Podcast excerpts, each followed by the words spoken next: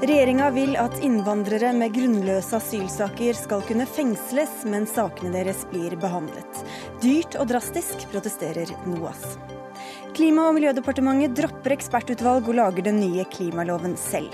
Fullstendig uakseptabelt, mener WWF.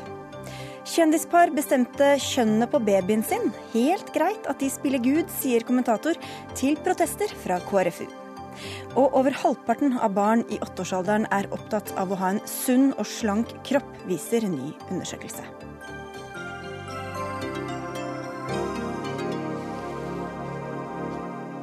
Vel møtt til ukas siste Dagsnytt 18 på NRK P2 og NRK2. Jeg heter Sigrid Solund.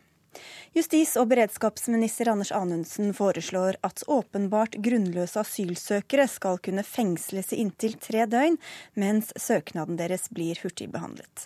Forslaget ble sendt på høring i dag. Ingen fra Justisdepartementet kunne være med i dag, men du er med på telefonen, Masiar Keshvari, innvandringspolitisk talsperson for Fremskrittspartiet. Hvorfor ønsker dere denne endringen? Vi ønsker denne endringen av eh, spesielt eh, to hensyn. Det ene er at mange av de som eh, skal raskt ut av landet, unndrar seg utkastelse. Og Det andre er at det er en kjensgjerning at enkelte av de som kommer hit og er grunnløse asylsøkere, begår kriminalitet i den tiden de er her. Eller at de søker om asyl når de først blir tatt for mindre alvorlige kriminelle handlinger. Så, men når det gjelder de første, altså dem dere vil ha kontroll over fra begynnelsen av, hva skal avgjøre hvem som skal kontrolleres og arresteres, og hvem som ikke skal? Det er jo vanlige demokratiske rettsprinsipper som ligger til grunn for eh, fengsling. Eh, og så er det ikke helt riktig som det var i introen her, at de skal bli fengslet mens saken deres blir behandlet. Det er i påvente av utkastelse, og som regel så skal jo disse kastes ut etter 48 timer og maks 72 timer. Så Det er jo en vurdering eh, politi og påtale må ta i hver enkelt sak på helt ordinær vis. Det er jo ikke slik at man kan nå begynne å fengsle mennesker eh, vilkårlig og etter eget ønske bare fordi de er grunnløse asylsøkere. Det skal være fare for at de kan unndra seg utkastelse hvis de har begått mindre alvorlig kriminalitet som f.eks. naskeri og tyveri osv. Men hva er da forskjellen fra i dag, hvis det ikke er sånn at, eh, skal, at de skal kunne bli fengslet bare i påvente av behandlingen? I dag så er det jo slik at man ikke har håndhevet eh, disse tingene. Man har ikke hatt mulighet f.eks. når noen blir tatt for eh, mindre tyveri, og så hevder de at de skal søke asyl. Så finner man ut ganske raskt at vedkommende kommer fra et land, f.eks. et europeisk land, som man ikke innvilger asyl til. Det den, denne endringen, og endringen som også kommer til å være i utlendingsloven paragraf 106, så vil man ha kontroll på disse til man får uttransportert dem. Juridisk rådgiver i Norsk organisasjon for asylsøkere, Andreas Furuseth, hva sier dere til dette forslaget fra regjeringa? Nei, vi er, eh, vi er kritisk til at uh, man skal benytte fengsling uh, slik det ser ut, nærmest kun fordi man har levert en, en, grunnløs søknad, eller blir vurdert som å ha en grunnløs søknad. Jeg, jeg, hører at Keshvari sier at, at man skal ha fokus på de, de kriminelle. og det, det, er vel og bra, men i ordlyden i dette forslaget som, som nå er sendt på høring, så, så står det at Eh, det er grunnlag for fengsling når utlendingens søknad antas å være åpenbart grunnløs og skal behandles i løpet av 48 timer. Altså Ordlyden eh, viser klart at det er mulig til dette her i prosedyren, og bare på bakgrunn av at eh, man antar at personen har en grunnløs søknad fordi man kommer fra bestemte land. Så hvis man er en asylsøker fra et land som normalt ikke ville fått opphold i Norge, og politiet av en eller annen grunn tror at du kan gjøre noe kriminelt, så vil du bli fengslet? Er det sånn du leser det? Ja, Nå har jeg ikke lest hele høringsnotatet. Dette så jeg først uh, nå for noen minutter siden. Men, det er klart ordlyden åpner for fengsling kun på bakgrunn av at man antar at man har en grunnløs uh, søknad. Og, og, det som avgjør det, er hvilket statsborgerskap du har. Kommer du fra et EU-land, kommer du fra Balkan eller kommer du fra et annet vestlig land, så er du i utgangspunktet en grunnløs asylsøker. Og, og, og ordlyden tilsier da at, at da er det grunnlag for fengsling. Da må du rydde opp litt, eh, Keshvari. Det er ikke en eh, riktig forståelse. Det er jo i de tilfellene det er fare for oppdragelse eh, man skal benytte seg av eh, dette. For øvrig så er det jo slik at når det kommer til europeiske borgere, som NOAS her nevner, så har jo mange av de i utgangspunktet ikke, ikke, noen hinder for å komme til Norge. Og vi har verken ønske eller adgang til å fengsle europeiske borgere eh, på, på, bare for å gjøre noe sånt. Altså, det er de som åpenbart søker asyl på feil grunnlag, og som kan unndra seg utkastelse eller har begått kriminelle handlinger eller er i fare for å gjøre det. Og Det er en kort tid. Disse skal uttransporteres under den såkalte 48-timeprosedyren, som gjør at de kan raskt uttransporteres av landet. Dernest må jeg si at jeg er veldig overrasket over NOAS reaksjon. Jeg hadde forventet at NOAS applauderte alle forslag som gjør at man kan bruke mindre tid, penger og ressurser på de som er grunnløse asylsøkere, og heller bruke de ressursene på mennesker som er reelt forfulgte og som trenger hjelp og beskyttelse. Det kan da ikke være et mål eh, for noe at flest mulig skal være i Norge åkke sånn. For de menneskene vi snakker om her, de er også med på å undergrave hele legitimiteten til asylinstituttet, og det er svært alvorlig. Ja, Furuseth. Ja, Keshvari har en tendens til å bli veldig overrasket over at vi reagerer på regjeringens forslag. Men uh, dette er ikke Du mener han burde være vant til det nå? ja, uh, altså det, det er, Dette her er ikke snakk om at vi vil ha så mange som mulig hin, uh, uansett, og det, og det vet Keshvari godt. Så det, det, det er et grunnløst poeng. Det, vi er opptatt av, er at, at, fengsling er et meget inngripende tiltak. Det er det mest inngripende tiltak vi har her i landet, og det skal brukes med varsomhet. Eh, det er eh, et eh, tiltak som er belastende for den det gjelder, og det er samfunnsøkonomisk svært dyrt. Vi kan komme litt tilbake til det, men først til deg, advokat Cecilie Schatvedt. Du har jobbet mye med asylsaker. Hvor mange asylsøkere vil dette gjelde, hvis du nå skjønte det, hva som egentlig ligger i dette forslaget? Ja, med forbehold om at det kanskje er noen misforståelser her. Men altså, ut ifra hva jeg har lest i pressemeldingen, så kan man jo kalle dette også et grunnløst forslag. Fordi det som står der, er at dersom en sak er åpenbart grunnløs, så skal det være et moment i vurderingen av om man skal fengsle eller ikke. Og sånn er det jo i dag. Eh, så mm, umiddelbart så ser det ikke ut som dette gjør noe annet enn å skrive inn i loven det som i dag er eh, domstolens praksis. Så det er mer symbolpolitikk enn noe annet, da, tror du, eller? Sånn som det ser ut i pressemeldingen, ja. ja hva er egentlig for... Jeg spurte om det i stad, men klarer du å svare litt sånn tydelig på hva, hva blir egentlig forskjellen fra praksisen i dag? Forskjellen blir at man gjennomfører lovverket med de endringene som er foreslått i høringen fullt ut. Det har vært mange somre og mange situasjoner og saker der Oslo-politiet bl.a. gått ut og sagt at de er nødt til å eh, slippe titalls for titalls kriminelle mennesker ut hver eneste dag i løpet av sommer månedene. Deriblant, ikke alle, men deriblant en del grunnløse asylsøkere som man ikke har kunnet gjøre noe som helst med. Nå vil man ha hjemmel til å kunne fengsle disse i påvente av en rask uttransportering av landet. Men, men kan det ikke det i dag? Er det ikke snakk om maks 72 timer uansett, eh, sånn som det er? At du, at du, at du kan ha folk fengslet? Jo da, altså de vanlige eh, rettsstatsprinsippene ligger, ligger, til grunn også for dette forslaget. Poenget er at vi, vi, strammer nå betydelig inn, slik at dette blir håndhevet. Og Dernest er det en klar og tydelig signal til de mennesker som har tenkt til å komme til Norge for å utnytte asylinstituttet, for å begå kriminalitet, for så å søke om asyl og tro det er en fri inn i Norge, om at den mm. praksisen er det slutt på. Ja, men er det, er det mer det at det skal virke avskrekkende enn at det egentlig er en endring ut fra hva som står i loven i dag?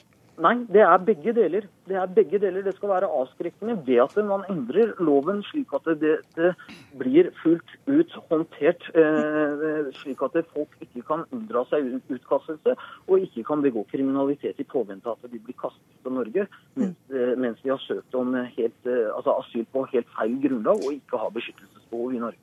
Schattvedt. Ja, eh, En innstramming ville vel være hvis man eh, eh, nå endret loven sånn at hvis det var en åpenbart grunnløs søknad, så skulle man fengsles. Altså at det var helt klart uten, uten noe mer vurdering av saken.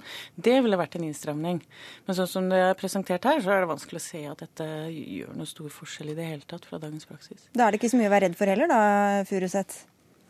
Nei, men eh, det, det, er jo eh, litt med hvilke signaler man gir. Altså, hvis det er eh, snakk om å, å, innføre noe som i utgangspunktet ikke ser ut som det har noen betydning i forhold til situasjonen i dag, så må man stille spørsmål hvorfor man da skal innføre det. Uh, og, og, jeg er også litt overrasket da over at man velger den formuleringen som kun baserer seg på at man har en åpenbar eh, grunnløs søknad, eller ikke, ikke, har nødvendigvis, men blir vurdert at man antas å ha en, en søknad i prosessen, og at man ikke da lager lage regler som er rettet mer mot personer med kriminelle hensikter, og som begår kriminelle handlinger. Det er, litt vanskelig å forstå for meg. Hvis det bare handler om politiets håndhevelse av dette, Keshvari, hvorfor ikke bare da gi mer, eller en ny instruks til politiet, eller gi dem mer ressurser, eller bruke mer av fengselsplassene på det her? Fordi at Dette har ikke vært eh, klart nok. Altså, hvis man leser høringsutkastet som er sendt ut, så tydeliggjør man det i henhold til eh, punktet som er i samarbeidsavtalen som vi har med Venstre og Kristelig Folkeparti. Eh, det har vært ulik praksis, og politiet har ikke alltid kunnet fått medhold i saker som de mener er nødvendige når det kommer overfor denne gruppen, og kunne fengsle dem.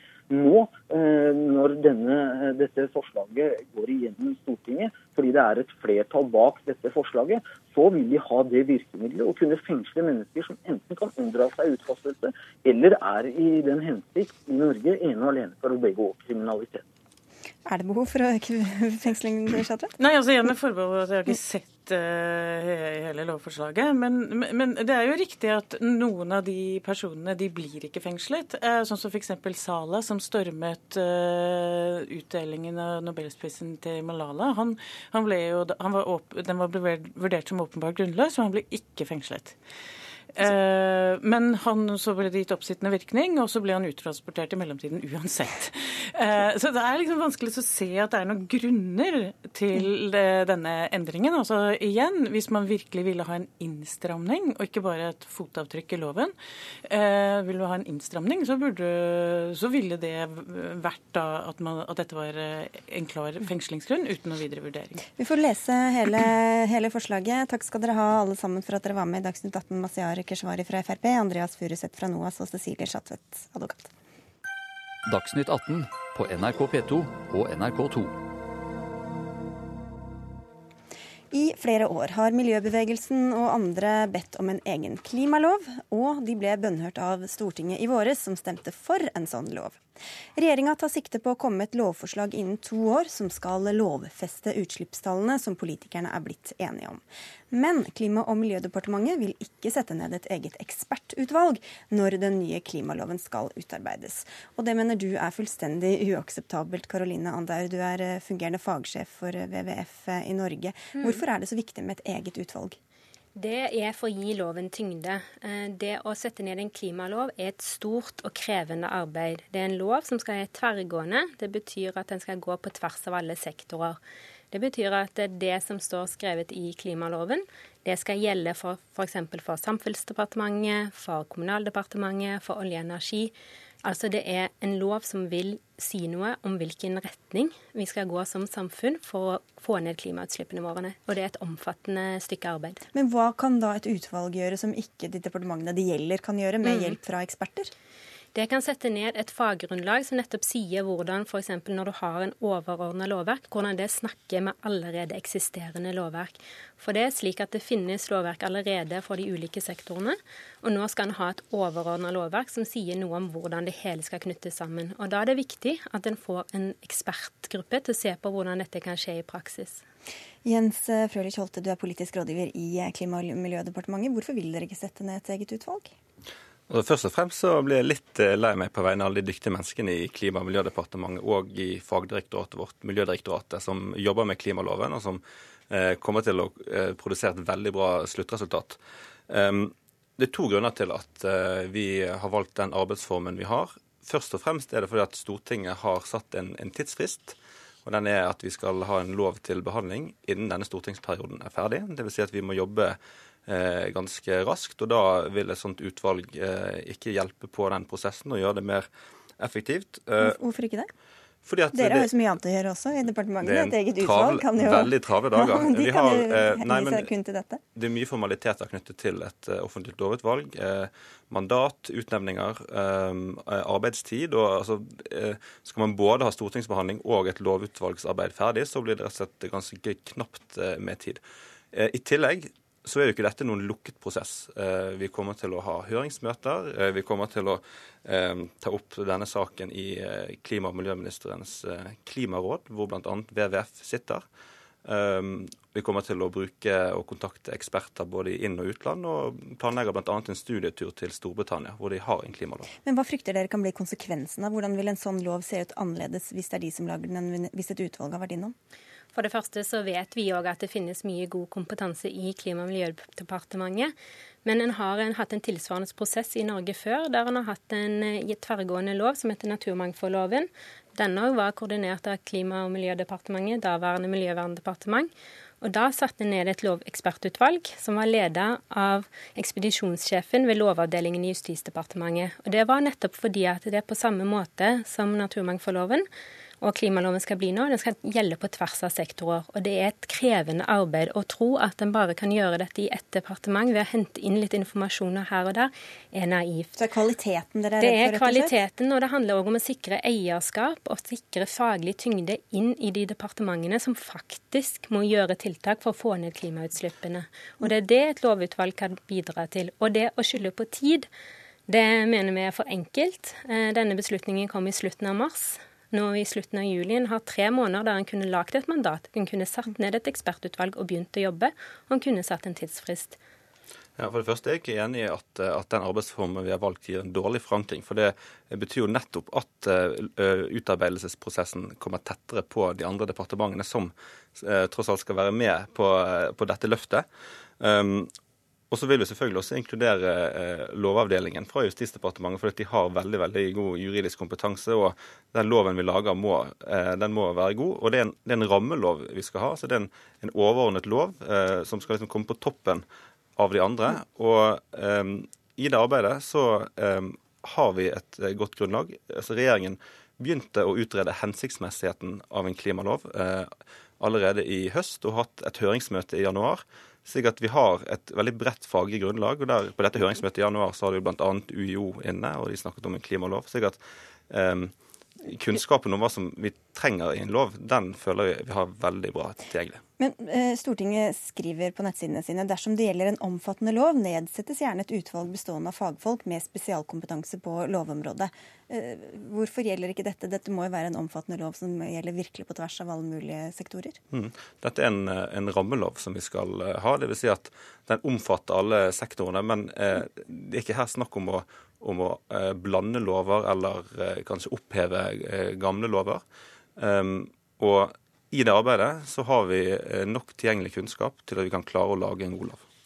Frykter dere at lovforslaget kan bli mindre ambisiøst når det er Klima- og miljødepartementet som skal, har ansvaret for det, og må kjempe kanskje mot andre departementer, Finansdepartementet f.eks., Samferdselsdepartementet?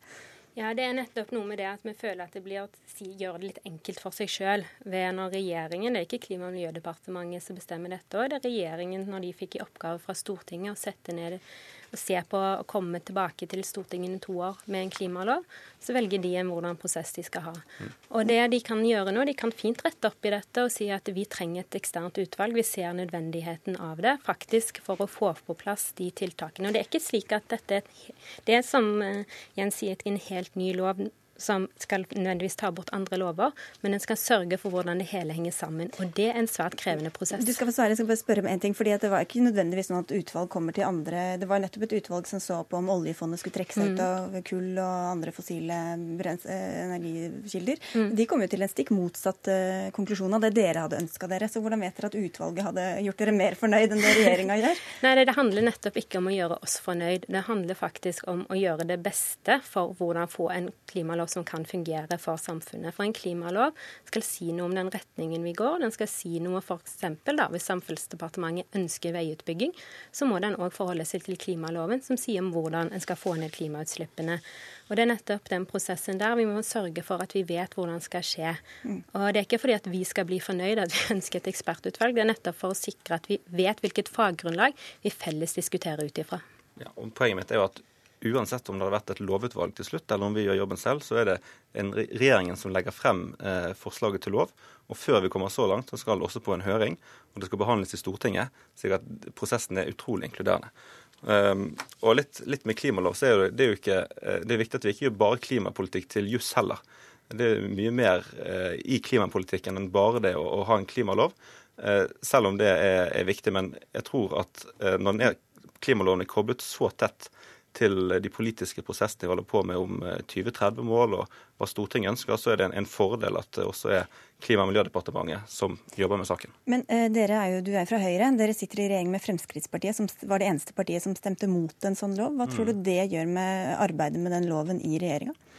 Eh, jeg tror at eh, regjeringen kommer til å følge det Stortinget vedtar. men, men med ambisjonsnivået og interessen for eh, lovarbeidet? Jeg vil si at det er ekstremt i regjeringens interesse å følge det Stortinget vedtar, for ellers går det ganske dårlig. Jo, jo, men enkelte statsråder som ifølge din egen regjeringssjef ikke er like opptatt av klima? Så er de veldig opptatt av klimalov fordi at Stortinget har vedtatt at den skal komme. Ok, hva sånn det var. Ja, nei, det her tenker jeg igjen en prøver å komme litt unna med å si at vi, vi har eh, full kontroll. Men dette handler om at en, i enhver en omfattende lov så er det vanlig å ha et ekspertutvalg nettopp for å se på og få en litt juridisk kompetanse som er mer objektiv enn et eget eh, fagdepartement, for å se på hvordan dette kan utøve. Og Det er det jeg håper nå at en revurderer og ser på faktisk viktigheten av å ha ved et lovutvalg. Sverige skal òg utrede klimalov. De har satt ned et eksternt lovutvalg. Alle de landene som har klimalov klimalov har gjort den samme prosessen. Hvis ikke får dere påvirke litt sånn i møtene framover eh, fra WWFs side. Takk skal du ha i hvert fall, Karoline Andaur, og takk også til deg, Jens Frølich Holte fra Klima- og miljødepartementet.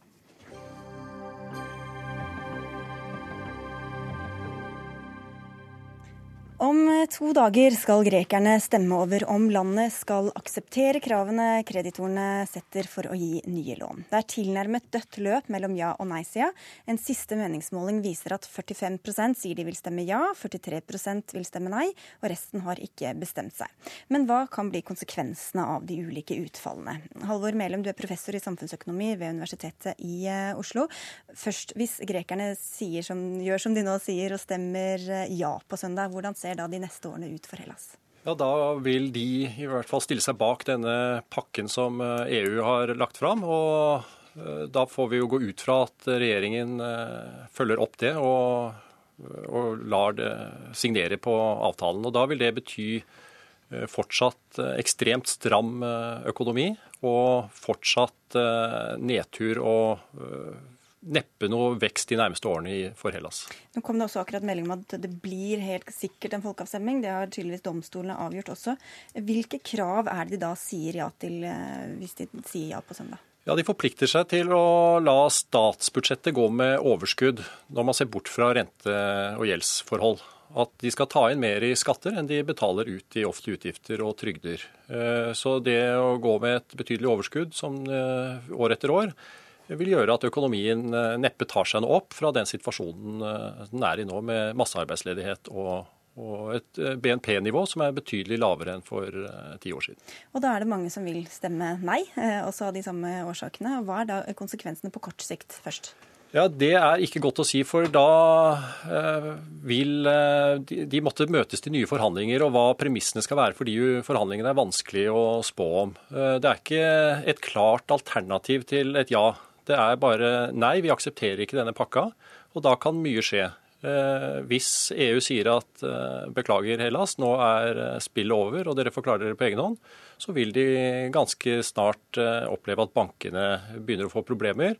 Og at eurotilstrømningen, som Europeisk sentralbanken har stått for nå inntil nylig, vil stoppe opp, naturligvis. Så da vil en, det å måtte forlate euroen eh, ligge i kortene ganske snart. Men kan de samtidig bare la være å betale tilbake gjelda, da? Eh, de kan eh, la være det. Hvis de ikke har penger, så kan de jo det. For det er ikke mulig å inndrive dem på noen måte. Så da vil, sammen med at ECB, Europeisk sentralbanken, slutter å støtte dem med euro, så vil de måtte starte forhandlinger på nye, et nytt grunnlag om gjeldsslette fra disse kreditorene, som er stort sett eh, europeiske institusjoner. Og hvem må da sitter da igjen med regninga som de ikke, ikke grekerne betaler? Ja, Det vil være en regning som dekkes av skattebetalere Europa rundt. Og Det er jo det litt eh, bisarre i denne situasjonen, at det mens det var banker som satt på denne gjelda for fem år siden, så pga. disse forhandlingene og pakkene som ble fremforhandlet tidlig ja, 2012, så ble den gjelda tatt over av europeiske institusjoner, og dermed europeiske skattebetalere. Så vi har fått en situasjon hvor skattebetalere i rike euroland eh, står mot skattebetalere i et fattig euroland, nemlig Hellas. Og Hvis de da blir kastet ut av eurosamarbeidet, hvilke fordeler kan det gi grekerne? Ja, Det kan jo gi eh, på kort sikt en eh, skikkelig nedtur med konkurser i bedrifter som har lånt penger utenlands og tjener penger innenlands. Men eh, når en ny valuta er på beina, og det trenger ikke ta fryktelig lang tid, det er mer krevende enn om de hadde hatt en valuta sirkulerende allerede, men det har de ikke. Men de må sette en egen valuta i sving, og noen år så vil de kunne oppleve at eh, økonomien går bedre enn det den vil gjøre med fortsatt ekstremt stram eh, budsjettpolitikk i regi av EU. Eh, e Så hvilke grupper befolkningsgrupper er det som tjener på det ene, og hvem er det som tjener på det andre? Ja, De som uh, taper, er jo de som har pengene sine fortsatt i greske banker. For alle disse innskuddene vil bli gjort om til en ny valuta, og den valutaen vil være betydelig svakere enn euroen. De som har kommet seg ut med pengene sine og satt dem i utenlandske banker, vil ikke bære dette tapet. De vil snarere dra nytte av at det er blitt billigere i Hellas. Så kjøpekraften til de euroene som er sikret syltet ned utenlands, vil gå opp, mens de som er hjemme, vil bli svakere pga. at det fortsatt må importeres mye varer.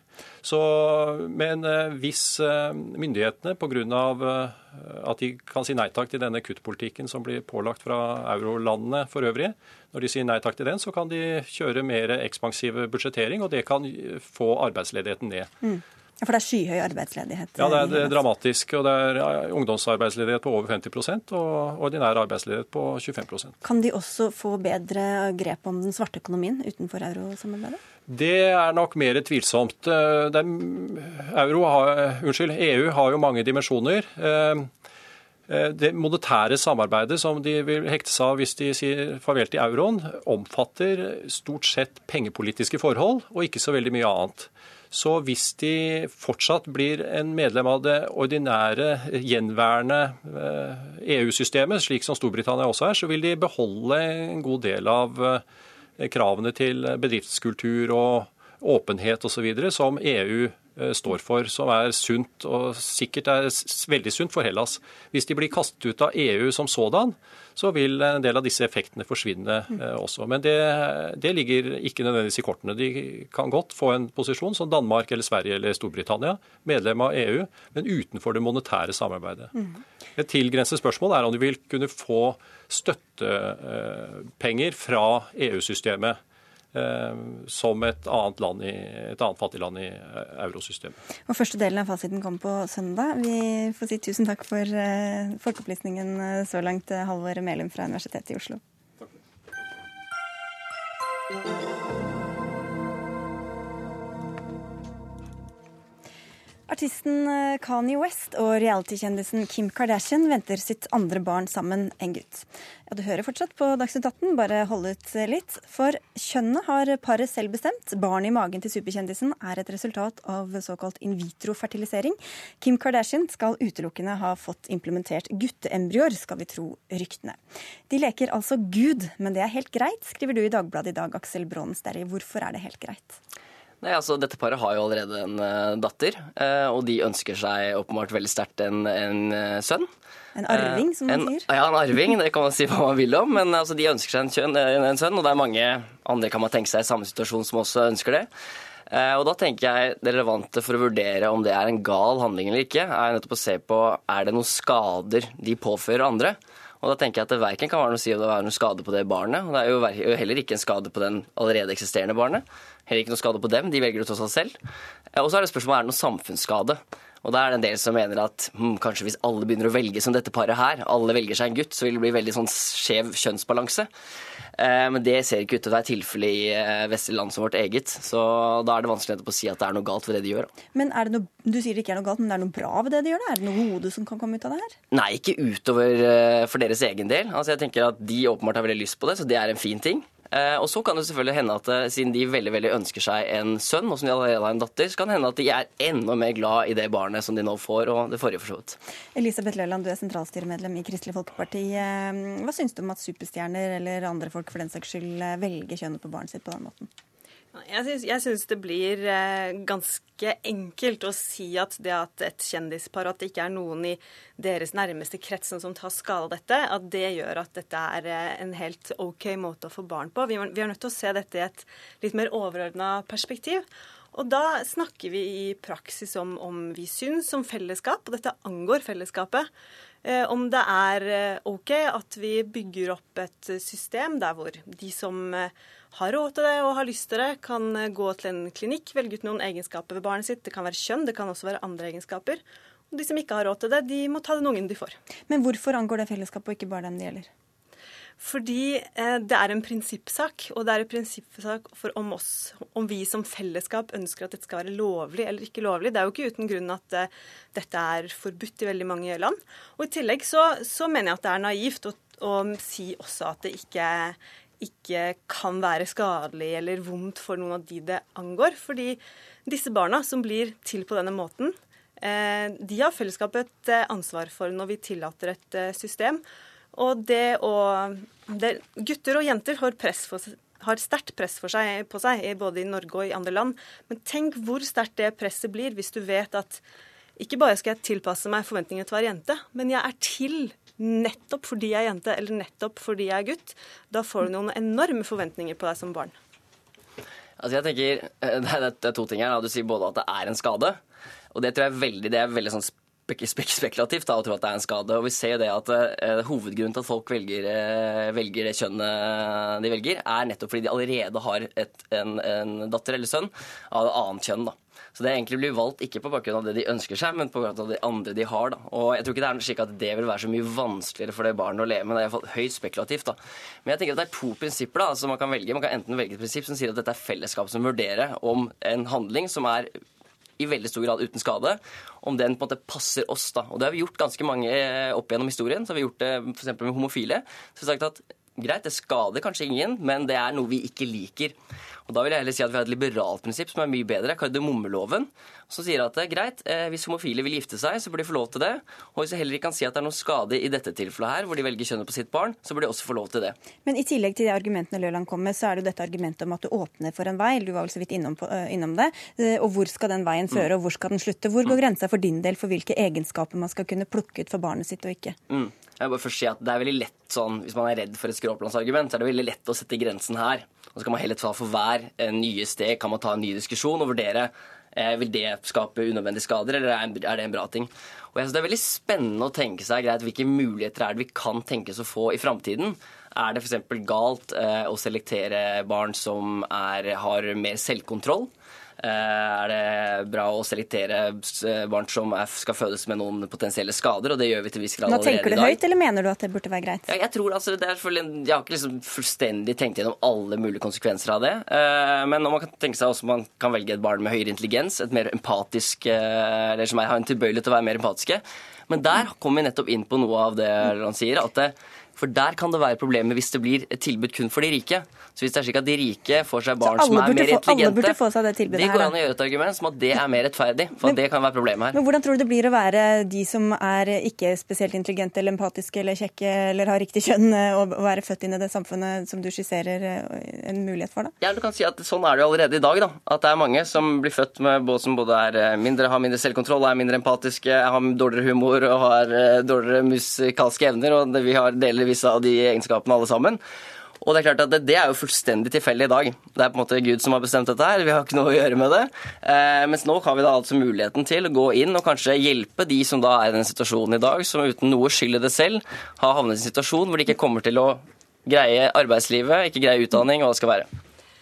Det Sterre gjør nå, er jo å tegne opp et ideal og si at de virkemidlene vi kan få for å komme nærmere det idealet om hvordan et menneske, hvordan et barn bør være, det skal vi bruke. Det er jeg sterkt kritisk til. For det er noen virkemidler som vi må si, og noen medisinske muligheter vi må si, at her går det en, går det en grense. Og det letteste og beste stedet å sette den grensen, det er jo å si at vi har de genene vi har. Barna har de genene de har. Og de er velkommen til verden med de genene de har. Om det er det kjønnet eller de fysiske egenskapene, det intellektet de har, hvor flinke de er i matte. Sånn er det. Sånn har vi det alle sammen, og vi er velkommen med de genene vi har. Men samtidig så er det også sånn i dag at hvis du skal få et barn, og du er bærer av en veldig alvorlig sykdom som bare rammer det ene kjønnet, så kan du velge det andre kjønnet hvis du får da kunstig befruktning. Men nå snakker vi om å mm. bygge opp et system og på en måte si at det er det rene ønsket om at det er akkurat en jente eller akkurat en gutt i dette tilfellet. da. Men er du for det? Kan, er det den praksisen vi har i dag? Kan, jeg mener at det er en, en, helt annen diskusjon. Nå snakker vi også i veldig stor grad, og jeg tror vi kommer ikke til å komme dit, at sårt tiltrengte helsekroner gjør at alle par i Norge kan eller i Vesten kan, kan lage en sånn designbaby. Dette kommer til å være for for eh, noen få. Hva gjør det med de barna som er designa, å vite at jeg er lagd med de og de egenskapene fordi en lege, en, en medisiner, har plukka ut de til meg? Hva gjør det med de barna som ikke er designa, og vite mm. at jeg måtte bli som jeg blir. Jeg fikk ikke muligheten. Du har tidligere også sagt at et samfunn uten downs ikke er noe dårlig samfunn, hvis jeg siterer deg riktig der. Hva slags samfunn, er, er, Har du i det hele tatt bekymringer for det samfunnet som du skisserer? Jeg har definitivt bekymringer for nettopp en del uh, urettferdighet som kan komme av det. Og jeg tror også vi skal være veldig forsiktige når vi, måte, når vi, kan, når vi sitter her og er trygge og tenker høyt, så er det interessant å gjøre. Men hvis det derimot det er mange uforutsette konsekvenser som kan komme av et slikt uh, samfunn hvor vi begynner å selektere osv. Det er jo tydeligvis på gang, da, bl.a. i USA. Ja, det er det. Og, mm. og, men her tenker jeg at det første tilfellet vi diskuterte, som handlet om kjønn, mm. det er helt uproblematisk. Og der har jeg ikke heller hørt Også at Også i de landene hvor man måtte sette Kina, India, aborterer jentefostre? Enig. Der kan det være problematisk. Men der kan man jo også si for på den andre siden at der er det jo nettopp stor grad av abort, det er stor grad av drap av spedbarn. Eh, så da kanskje kan det hende at dette likevel vil være en skadereduserende tiltak også i de landene. Som jeg traff, Bortsett fra at det bare blir menn igjen til slutt, da. Så... ja, ikke sant. Eh, Jan Støre sier at eh, det, ikke er noe, det ikke er noe negativt eller noe, noe, dumt med et samfunn uten dans. Så vil jeg si at det, det, er noe negativt med et samfunn der man bygger opp et system for å velge hvilke barn som skal bli født, og velge det ut fra de egenskapene vi ønsker. Og det endrer seg over tid. I den vestlige verden i dag så er det en del som ønsker jenter og en del som ønsker gutter. Sånn er det ikke i hele verden. Man kan jo eh, lett se for seg at det er andre egenskaper som kommer til å bli veldig favorisert. Og det gjør også noe med de barna som ikke har foreldre som hadde råd til det, og som blir født uten de egenskapene. Og foreløpig har du vel egentlig hele det politiske Norge mot deg, Bronsnærer? Det har jeg, men jeg har ennå ikke hørt noen gode argumenter mot det. Du får fortsette på bakrommet her. Takk skal dere ha, Aksel Brons og Elisabeth Løland. Hør Dagsnytt 18 når du vil. Radio NRK.no.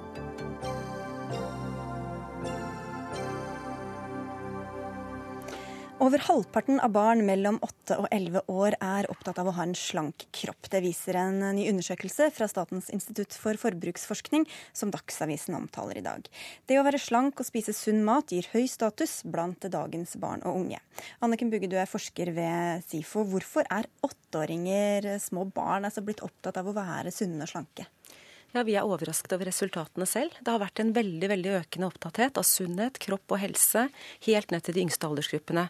Og Jeg tenker at de speiler generelt hva samfunnet er opptatt av, og at det har vært et enormt søkelys nettopp på dette med å spise sunt. Eh, både blant voksne og barn og unge de seneste par årene. Hvordan kommer det sunn sunnhetsidealet til uttrykk for de minste, som dere har undersøkt? Nei, Det var jo overraskende høyt tall. Altså, det er over 50% av de yngste, 8-12-åringene, som sier at de er helt eller delvis enig i utsagnet 'jeg er meget opptatt av å ha en sunn og slank kropp'. Og det øker med økende alder. Så det er rundt 70 eh, i alderen altså 13-14 og oppover. Er det store kjønnsforskjeller der, eller? Nei, Det er jo også litt overraskende, for man tenker jo ofte at eh, jenter er mer opptatt av dette enn gutter. Men eh, vi finner at gutter er omtrent like opptatt av dette som jentene. Og det er altså tre av ti tenåringer som har prøvd å få en slankere kropp i løpet av de siste tolv månedene. Vi skal til tenåringene veldig snart, men bare et ja. siste spørsmål om disse barna. Er det sånn at de velger bort lørdagsgodt og pizza og sånn, eller er det mest sånn i, i teorien at de er opptatt av det? På slutten av 90-tallet så lå vi veldig høyt når det gjaldt inntak av sukkerholdige leskedrikker og sukker. Det har gått veldig ned, eh, også blant barn og unge de seneste par årene. Så eh, det er nok stadig flere som velger bort godteri og sukkerholdige leskedrikker, ja. Og for folkehelsa er det jo bra, men hva gjør det med selvbildet deres at de er så opptatt av det? Jeg tenker at Vi stiller veldig høye krav til kroppslig perfeksjon etter hvert. Og det er langt flere som uttrykker misnøye med egen kropp enn det det faktisk til, altså skal være. på en måte. Så vi stiller høye krav, og samtidig så er det jo positivt at man er opptatt av sunnhet og, og det å spise sunt. Men at femåringer sier at de er tjukke, det er ikke noe vi ønsker her i samfunnet? Nei, og det er jo ikke barnas feil.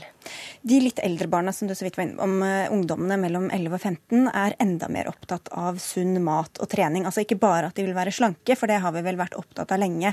Men er det også sånn i dag at de velger uh, vitaminvann, hvetegress og sushi og ikke cola og hamburger og pizza, eller i praksis?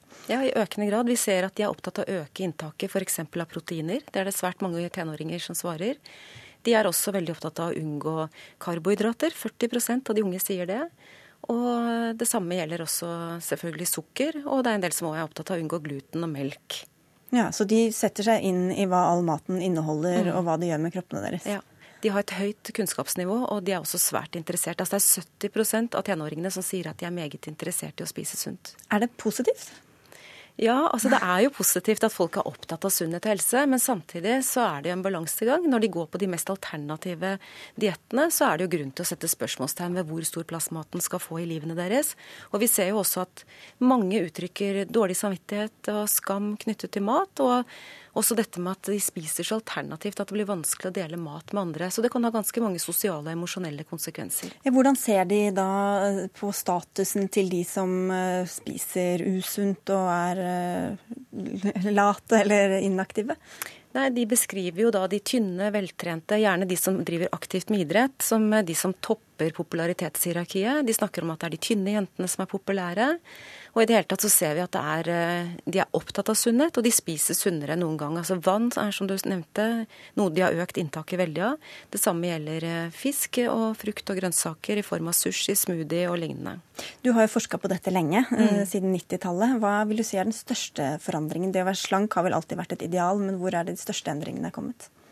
Oh, det er vel den veldige vektleggingen av matens terapeutiske effekter. Det at vi er så opptatt av at mat skal bidra til å gi oss alle disse ettertraktede verdiene som sunnhet og slankhet, og den enorme opptattheten av sunnhet og helse som vi har sett de seneste par årene og helt ned i de yngste aldersgruppene. Og jeg vil tro at det kommer jo både fra det de leser og ser og sånn, men også fra foreldrene selv. Mm. Ja, så som jeg sa, de speiler mm. samfunnet og hva foreldrene er opptatt av. Og hva, Hvilket råd har du til slutt til foreldre som merker at uh, poden er litt i overkant opptatt av vekt og inntak av mat, og hvilken mat som er fy og bra? Jeg tenker at det man skal prate minst mulig om, det er maten. Så sette fokus på noe annet enn mat. Mm. Takk skal du ha eh, for at du kom hit, Anniken Bugge. Du er altså forsker ved Statens institutt for forbruksforskning.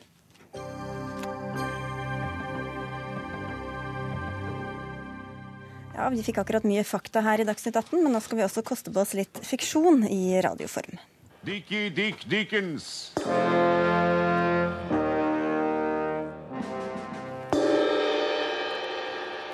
God aften. Mitt navn er Cox.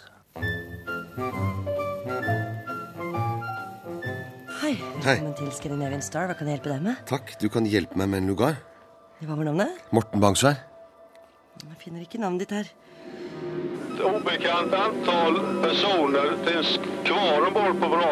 I rollen som Winston Smith, Jan Gunnar Røise. 6079 Smith W. Du må vise at det er litt tak i deg, Smith. Ja, beklager. Det hjelper ikke å beklage, Smith. Jeg er ikke riktig frisk. Jeg har ikke vært frisk på en god stund. Sludder. Litt nostalgi og litt nyere vare fra Radioteatret i NRK, som får ny sjef. Det ble kjent denne uka, så gratulerer, Gunhild Nymo. Ja, tusen takk. Lyden av gamle nye, og nye klassikere er ikke nok til å gi deg prestasjonsangst, eller? Nei, absolutt ikke. Altså, jeg syns jo det er en utrolig fin eh, tradisjon og um, veldig mye kunnskap som vi har i Radioteatret, som absolutt er verdt å ta med seg videre fremover også. Ja, da du ble utnevnt, så sa redaksjonssjefen i NRK Kultur at han var overbevist om at du kom til å bli en visjonær og engasjert leder som ville fornye og søke originale veier. Ja. det er store ord. Hvilke planer og visjoner har du for Radioteatret? Nei, Jeg må jo først takke redaksjonssjefen for de gode ordene, da. Men jeg tenker jo at eh, det handler jo om å videreføre noe av det som Yngvild Kiran begynte på når Radioteatret fikk en ny kulturstrategi, som handler om å være nye. Vi skal produsere mer nytt. Eh, vi skal være aktuelle. Eh, og vi skal ha norskt. Så for meg så handler det vel om å spisse profilen enda mer og på en måte stake ut en sånn type kurs som, er, eh, som handler om at vi skal ha et samfunnsperspektiv. Uh, som vi jo allerede har begynt å gjøre. Vi hørte et lite klipp mm. fra Scandinavian Star f.eks. Så det er noe med å prøve å gjøre plass til disse store produksjonene, sånn at vi også kan gjøre noen mindre ting og ivareta eh, de smale formene, da. Jan Gunnar Røise, velkommen. Hei, takk for det. Vi hørte deg så vidt uh, i innledningen her fra oppsetninga av uh, George Orwells 1984. Mm. En rolletolkning som ga deg den gjeve Blå fugl-prisen, så vi kan gratulere med litt på etterskudd. Ja, tusen takk. Det var stas. Hvor viktig syns du Radioteatret er?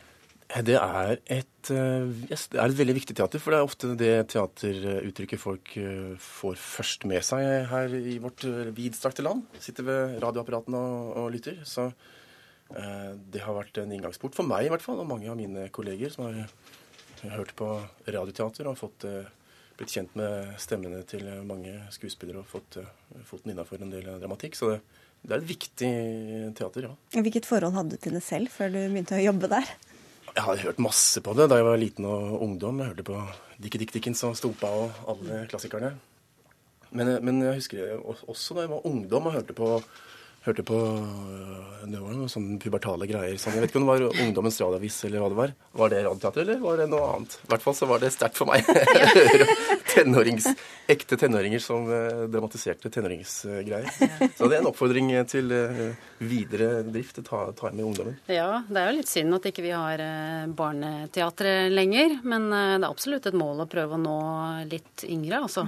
Jeg tenker jo at uh, podkast f.eks. er jo en spennende ting å utforske fremover for å nå de som ikke hører på radio. Mm. Mm. Men eh, dere har jo fortsatt ganske mange som hører på radio. Det er vel ja. underkant av 600 000 sa du ikke det, som var innom på både P1 og P2, for dere sender litt ulikt eh, de ulike kanalene ja. gjennom en uke. Det stemmer det. Um, Hvilket spesielt ansvar gir det dere, syns du, at dere da er det liksom lavterskeltilbudet som, som skal nå alle i hele Norge? Jeg tenker at Det er et kjempeviktig ansvar å ivareta. Altså, jeg tror jo, og igjen dette med hva publikum forventer av Radioteatret. Eh, som jeg sa tidligere, dette med å ivareta den tradisjonen det er, og dette med å kunne fortelle de gode historiene innenfor en fiksjon, det tror jeg vi jeg tror vi mennesker eh, behøver det på et eller annet vis. Jeg tenker at I en verden hvor vi har så mye kjapt og, som, som, skjer, og korte historier, og vi multitasker og i det hele tatt, så tenker jeg at det er en viktig det er viktig å formidle noen historier hvor vi kan fordype oss litt i å, å være i det. Røise, du spiller jo både i film og på scene og i TV-serier, og da som sagt i Radioteatret. Hvordan er det spesielt å spille i Radioteatret kontra de andre? Ja, Det er et ganske unikt sted å være. En slags blanding av teater og film. Man, eller Som skuespiller så er det liksom blanding av de måtene å jobbe på. for at man, eh, man spiller jo teater selvfølgelig og har manus og de tingene der, men så er man så man er helt aleine, man er uten publikum, og det er faktisk veldig deilig. Han slipper å forholde seg til at folk skal høre hva man sier. Så man har en så veldig nærhet til liksom, mikrofonen og medspilleren. Mm. Og man kan liksom ja, Og så er det ingen som ser en, så man kan være ganske intim, og man kan være Man kan bjuda litt på kjenslolivet, og man kan eh, Ja, man leiter litt i teksten i musikken, og det, det ja, Eller musikken i teksten min, ja. Mm. Men også er det veldig gøy også, fordi det er eh, jeg kommer veldig ofte på fliren når jeg er på Iranteater. fordi det, det gjør vel du ofte generelt? Det, det, er, men det er ekstra tøysete når voksne mennesker later som de er politimann og Hva er det som foregår her? Nei, sør, ingenting. Jeg, jeg, jeg, har ikke gjort noe. Er det en pistol du holder i hånden? Nei, sør, det er ingenting. Det er, det, er jo, det er, jo, Den replikken ville jeg ha strøket. ikke noe mer. Du kan bare, du kan bare si den i Dagsnytt 18 andre mer i Radioteatret. Men da er, det, er det jo bare stemmen som Det er ingen som vet hvordan du ser ut. Du kan Nei. spille en helt annen type enn det du kan på film, f.eks. Det er kjempedeilig at man ingen som kan si at ikke jeg skal være morder eller at jeg skal være prest. For det er ingen som ser meg. Det er bare stemmen. Også du kan være så høy du vil og så tjukk du vil. Og... Helt riktig. Og så er man med å skape historien på en helt annen måte. For man eh, skaper scenografien og rommet bare med avstand og pust. og ja, så det, er, det, er veldig, det, kan være veldig frigjørende og skapende. Ja, du er jo dramaturg selv. Hvordan ja. bruker dere da Det er jo mikrofonen som er deres verktøy på et mm, vis. da. Mm. Hvordan bruker dere den for å skape det, dramatikken i, i, teaterstykkene? Nei, altså det er jo fordi mikrofonen er jo i, i senter. Det er én mikrofon som alle står rundt? Det er én mikrofon mm. som alle står rundt, ja. Og da er det ofte det som er eh, hovedpersonen som står nærmest mikrofonen, fordi det er han eller henne som skal fortelle det er deres perspektiv vi får historien ut ifra. Og så går vi jo til og fra, som du var litt inne på, altså fragang og tilgang i forhold til å skape avstand og gå ut av rommet og inn av rommet. Og så legger vi jo på alle lyder etterpå. Bortsett fra noe, kanskje litt spising og drikking. Det er slurping og gafler og sånn. ja. Da er det lett å begynne å le. Ja. klang, klang. Ja. Men du er jo en av mange kjente skuespillere som er med. Hvor, hvor, stas er det for skuespillere å være med i Radioteatret? Det er kjempestas. Det er et lite fristed. Fordi man kan stå med teksten. Du slipper å memorere så fryktelig? Ja, ja. Og så er det en veldig leken og fin uh, tone. Også. og så få, prøver man å, å, få det til, og naile det. Man får to, tre, fire forsøk, og så der satt den. Den skal på lufta. Så det er, det er veldig gøy. Ja. Nå er det jo kanskje mange som får lyst til å høre på Radioteatret, men der har dere et lite problem. Det er ikke bare å gå inn og klikke seg inn på stykker som har vært eh... Nei, dessverre ikke. Altså, det er sånn at vi har eh, Vi får lov til å ha det 30 dager ute på nett etter at det er sendt på radioen. Eh, og så forsvinner det. Og det er selvfølgelig et mål å prøve å få det tilgjengelig det så lenge som mulig. Ja, det er forhandlinger med kunstnerorganisasjonene uh, som gjør at vi ikke får lov til å ha det ute lenger. Men jeg tror innenfor et par år så kommer det til å skje. Så da er vi overalt. Ellers må man sitte klar med kassettspilleren igjen, da. ja, da må man det. og hvilke planer har dere nå da for ditt første repertoar som du bestemmer helt selv, kanskje? Ja, eh, det er jo, man planlegger ganske langt fram i tid. Men vi har en eh, morsom sitcom, eh, Golam Family, som kommer en nyskreven norsk, som kommer, starter P2-premieren til høsten. Så det blir kjempegøy. Og Da er det helgene som gjelder altså for Radioteatret? Det er det. Mm. Tusen takk for at dere var med, og god sommer Gunhild Nymoen og Jan Gunnar Røise. Hør Dagsnytt 18 når du vil. Radio NRK.no.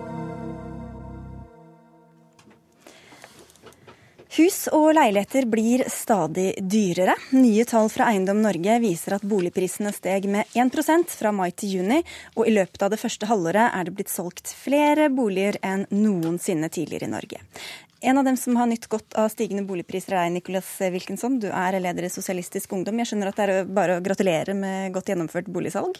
Ja, jeg har jo ikke solgt boligen min, jeg har fått en verditakst. Oh, ja. Altså det er bare virtuelle penger foreløpig? Det er bare virtuelle penger. Og mm. det som har skjedd, er at boligen min har økt med 350 000 kroner på et år. Opp fra 1,3 millioner. Så jeg har så vidt klart å skrape sammen nok penger. Men jeg har også fått en verdiøkning som er større enn det jeg har fått fra å lønn fra å jobbe et helt år. Så nå har det blitt sånn at boligen stiger fortere i pris enn ungdom får lønn i løpet av et helt år. Og det stenger unge ut av boligmarkedet. Så du er misfornøyd med verdistigningen av leiligheten? Jeg er veldig misfornøyd. Fordi for meg, for meg, så er det jo bare tullepenger. Hvis jeg skal kjøpe en bolig, så kjøper jeg i samme marked, så de blir også dyrere. Så jeg tjener jo ingenting på det. Men for ungdom i dag så er det sånn at voksengenerasjonen sin prisfest, det har blitt ungdoms gjeldsmur. Og da er vi over på de virkemidlene som du vil ha. Hva er det? Det er i Norge i dag, i Oslo f.eks så er 42 500 av boligene de er eid av folk som ikke bor i boligene selv. Og de sponser staten med 6 milliarder kroner i året. Vi vil ta bort skattefordelene til de som eier sekundærboliger, altså andres boliger, sånn at de i stedet selges til folk som skal bo i boligene selv. Altså Man skal ikke kunne trekke av på skatten av gjeld man har på bolig nummer to? Yes, for det vil gjøre at du ikke sylter ned pengene i de boligene, og i stedet så kan vanlige folk kjøpe boligene til seg selv. Da er vi inne i materie her. Peter Batta, du er generalsekretær i Huseiernes Landsforbund, og du sier at dette forslaget ikke er gjennomførbart. Hvorfor ikke det? Nei, og Det er fordi at bankene vet jo ikke hva de lån som de gir, brukes til. Og det er helt riktig som det blir sagt her, at heldigvis så har vi en verdistigning og prisstigning på boligene våre over tid. Eh, og Det fører jo til at, at, at vi kan belåne de enda en gang. Og over tid så får vi også da mer inntekter, mer lønn. Og, eh, og, dermed så kan vi gå og refinansiere med økt sikkerhet og økt betjeningsevne og få nye lån. Og hva vi bruker de pengene til, det, det har heldigvis ikke bankene noe med. Og det, og det, må vi få lov, lov, å bruke til det vi ønsker. Og da er det noen som kjøper seilbåt eh, når de refinansierer. Det er noen som kjøper hytte på fjellet. Det er noen som drar på en ferietur til Syden. Så er det noen som kjøper sekundærbolig. Noen kjøper til og med sekundærbolig til sine barn. Så, så eh, dette vil jo bli helt håpløst å kontrollere, og det er helt umulig å vite hva eh, bankenes utlån går til. Og den aller meste av utlån som bankene gir til privatpersoner, er med pant i egen bolig. Så, så Det er jo dette panteverdien og panteobjektet som øker i verdi, som gjør det mulig å kjøpe da andre verdisaker eller bruke pengene på reiser eller, eller uh, sekundærbolig. Men, dette blir rett og slett håpløst å praktisere. Og okay. vil karakteriseres som i beste fall et uoverveid forslag. Men, men nå sier jo Batta det som mange i den voksne generasjonen sier. Refinansier boligen din. Men hva med alle ungdommene som i dag ikke har en bolig? Altså Det er en gjeldsmur å komme inn. Boligprisveksten på Grorud, der jeg bor, i Ammerudblokkene, det har også økt med 350 000 kroner på ett år. Om jeg ikke hadde betalt skatt, om jeg ikke hadde spist en smule eller kjøpt en eneste ting og spart alle pengene, så det har fortsatt vært lengre unna å kunne kjøpe meg en bolig i dag enn jeg var for ett år siden. Så må jeg spørre Batta tilbake, hvorfor skal vi bruke 6 milliarder kroner på å sponse dere som eier andre sine boliger, i stedet for å bruke de pengene på å bygge boliger til ungdom? Andres boliger, hva mener du med det? Altså, altså, boliger som andre bor i? Ja. Som andre bor i. Ja, det er fortsatt deres bolig. Ja, ja, ja okay. de eier den, men Batta, de bor ikke Hvorfor skal vi bruke så himla mye penger på det her? Dette blir jo flere debatter på en gang. Altså Noen må jo eie en ekstra bolig for å kunne ha et utleiemarked i Norge. Og, og, det du sier er jo at vi fremdeles har et altfor lite utleiemarked. Så det er den biten av det. Og hvor disse seks milliardene dukker opp, det er for meg litt ukjent. Det er i hvert fall ikke rentefradrag på sekundærboliger. Så her har man nok blandet og lagt sammen noen tall. Men, men, det er jo ikke bare SU som mener det. er mange ungdomspartier også på borgerlig side som har tatt til orde for å fjerne rentefradraget. Altså ungdommen mot de voksne, som, eh, som det sies her. Hvorfor er det viktigere å ha gunstige befolkninger for dem som har råd til å eie flere boliger, enn å sørge for at flere ungdommer kan komme inn på boligmarkedet? Hovedårsaken til at boligprisene øker urimelig mye, som jeg har snakket om mange mange sammenhenger i mange år, det er fordi at det bygges for lite, særlig i byer og pressområder. Vi vet at Oslo er den hovedstaden i verden i Europa som nå vokser aller mest. Og, og det Eh, fører til at vi har for lite boliger. Vi har for lite til ungdom, særlig spesielt. Rimelige boliger, små boliger, og bygges mange flere. Det er på den måten vi kan eh, få tilbud som er stort nok i forhold til etterspørsel. Som også da vil føre til at prisene ikke eksploderer videre, som de har gjort. Men nå har vi jo ikke alle de boligene, da, så hvorfor skal man da prioritere de voksne på, på bekostning av de unge som ikke kommer inn? Ja, så det er en prioritering av noen uh, voksne her. For om boligprisene øker, så er det fordi det er for lite boliger. Og, og sånn vil det jo være helt til vi får metta markedet, eller vi får balanse i markedet. Så vil jo boligprisene fortsette å øke uh, urimelig mye. Og det er helt enig i SV at, at det der bør gjøres noe. Og, og, det bør settes inn en del tiltak for å få flere boliger, små boliger, uh, særlig i Oslo og andre storbyer hvor presset er, er altfor stort. Men mm. det, det, det, hjelper jo ikke det. det. Boligprisene vil jo fortsette å øke eh, selv om man innfører eh, rentefradrag på lån. Det, mm. det, vil jo bare, det vil bli enda verre for ungdom. Eh, og at de ikke engang får, for den subsidieordningen eller den støtteordningen som ligger i det. Ja, men det var det, Nå snakker du om primærboligen, da, men så her snakker vi sekundærboligen. Altså, Hvorfor skal ikke heller bygge flere boliger? Altså, det, er ikke mulig, det er ikke mulig å skille ut lån som går til sekundærboliger. I, i selvangivelsen i selvangivelsen i dag så skiller man mellom det. Men det er sånn at uh, rentefradraget det koster staten 58 milliarder kroner til sammen i året. For de pengene, teoretisk, så kunne vi bygget 44 500 boliger per år. Så det handler om hvordan skal vi bruke pengene våre. Vi kunne per år bygge nok boliger til alle i Norge hvis vi satset pengene på boligbygging i stedet for å skatt, sponse skatten til de som eier andres boliger. Og jeg vil legge til en ting Det er ikke andres boliger, da. Det er bare andre som bor der. Ja, andre, andre som bor der. Men det er jo de, de som bruker boligen, da. Ja. Men det som er veldig spesielt, er at hver gang vi snakker om å stramme inn for de som har veldig mye penger og eier mange boliger, så er det ramaskrik. Har de ikke så... strammet inn litt allerede, da? Nei, denne blå regjeringen nå har gjort det lettere. Den har jo gitt kutt av skatten for de som eier sekundærboliger.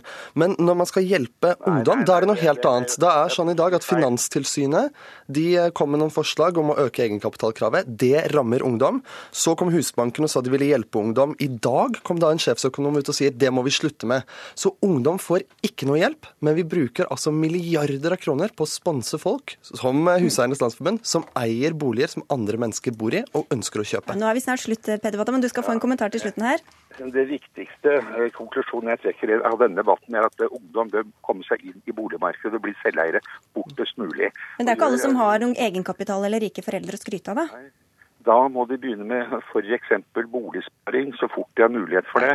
Eh, spare opp til egenkapitalen å, å, komme seg inn. Det er det ene. Og det andre er at dette forslaget her det er i praksis, i praksis umulig å gjennomføre. fordi man, Bankene kan ikke skille mellom hvilke penger som går til primærbolig, sekundærbolig, eller til seilbåt eller til hytte på fjellet. Mm. Det er det, og det er ett poeng til. Det, noe som heter, det er noe som heter symmetriprinsippet i skattesystemet. De som har penger i banken, de betaler eh, skatt på renteinntekten av det. Mm. De som har lån i banken, de får fradrag for renteutgiftene på det. Så, så en sånn der, begynne her nå med renter til sekundærbolig, mm. Eh, det, det, det, det, er rett og slett eh, helt håpløst. Vi er nødt til å avslutte her. Eh, takk til dere begge to, Nicolas Wilkinson og Peter Batta, fordi Dagsnytt 18 Jeg ser at du har veldig lyst til å si noe, men vi kan ikke trygle med sendetida heller. Dagsnytt 18 er over for i dag. Ida Tune Øretsland var ansvarlig for innholdet. Hanne Lunås var teknisk ansvarlig, og jeg, Sigrid Solund, ønsker god kveld og god sommer til alle dere.